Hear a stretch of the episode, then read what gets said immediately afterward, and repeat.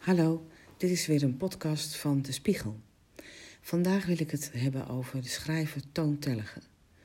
Toon Tellige vind ik een favoriet schrijver en, en ik mag heel graag dingen van hem lezen.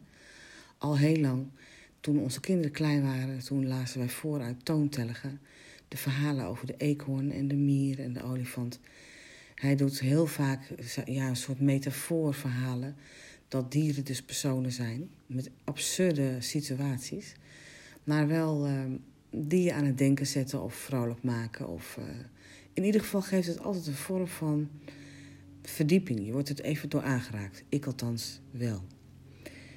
Deze man is inmiddels 78 jaar en uh, schrijft al heel erg lang en won zijn eerste prijs in 1969, de ANV Visser Neerlandicus voor het boek Als moeder ergens ziek van wordt. In de tussentijd heeft hij ontzettend veel zilveren en gouden griffels gewonnen. Hij heeft de Constantijn Huygenprijs mogen ontvangen.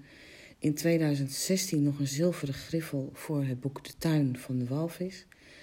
En hij heeft in 2019 nog een prijs gewonnen voor het boek Eén van ons zal omkijken. Nou, ongekend gewoon, wat eigenlijk ontzettend veel werk is gekomen van zijn hand. Uh, een bescheiden persoon die niet ook veel in de, in de voorgrond treedt, maar wel een hele belangrijke bijdrage heeft geleverd, wat mij betreft, aan kinderboeken, waarvan ik iedereen zou kunnen uitnodigen, eigenlijk om als volwassene ze ook te lezen. En zeker in de kleine boekjes die hij tegenwoordig schrijft met een thema. En uit een van die eh, boekjes die ik zelf al een tijdje heb, ik heb er gelukkig ook weer een heleboel bijgekregen, met kerst nog één. Maar nu besluit ik te lezen uit een boekje vandaag uit Toon Terge. En het boekje heet Een hart onder de riem. En het verhaal gaat als volgt.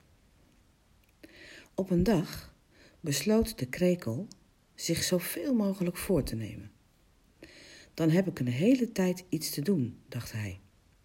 Hij schraapte zijn keel en nam zich voor nooit meer bang te zijn.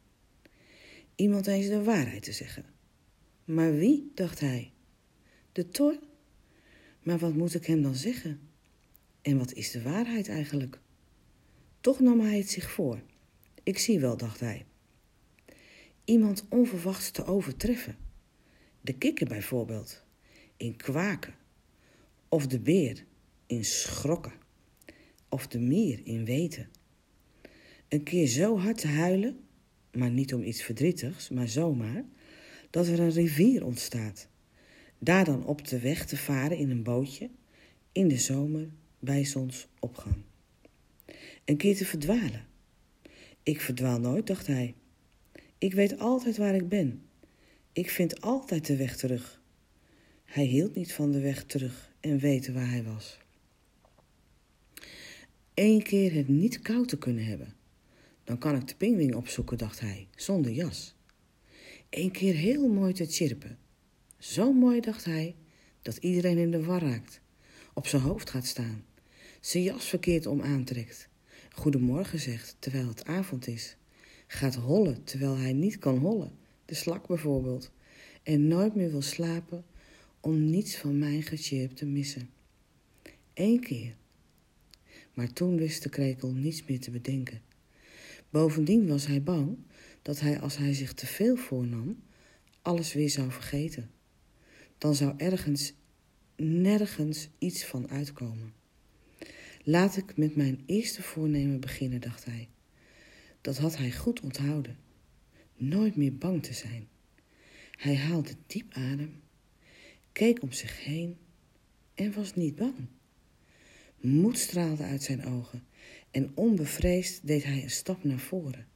Op een ochtend, in het voorjaar, onder de linden, in het midden van het bos. Wat is dat heerlijk, dacht hij, en hij zuchtte diep. Fijne dag nog.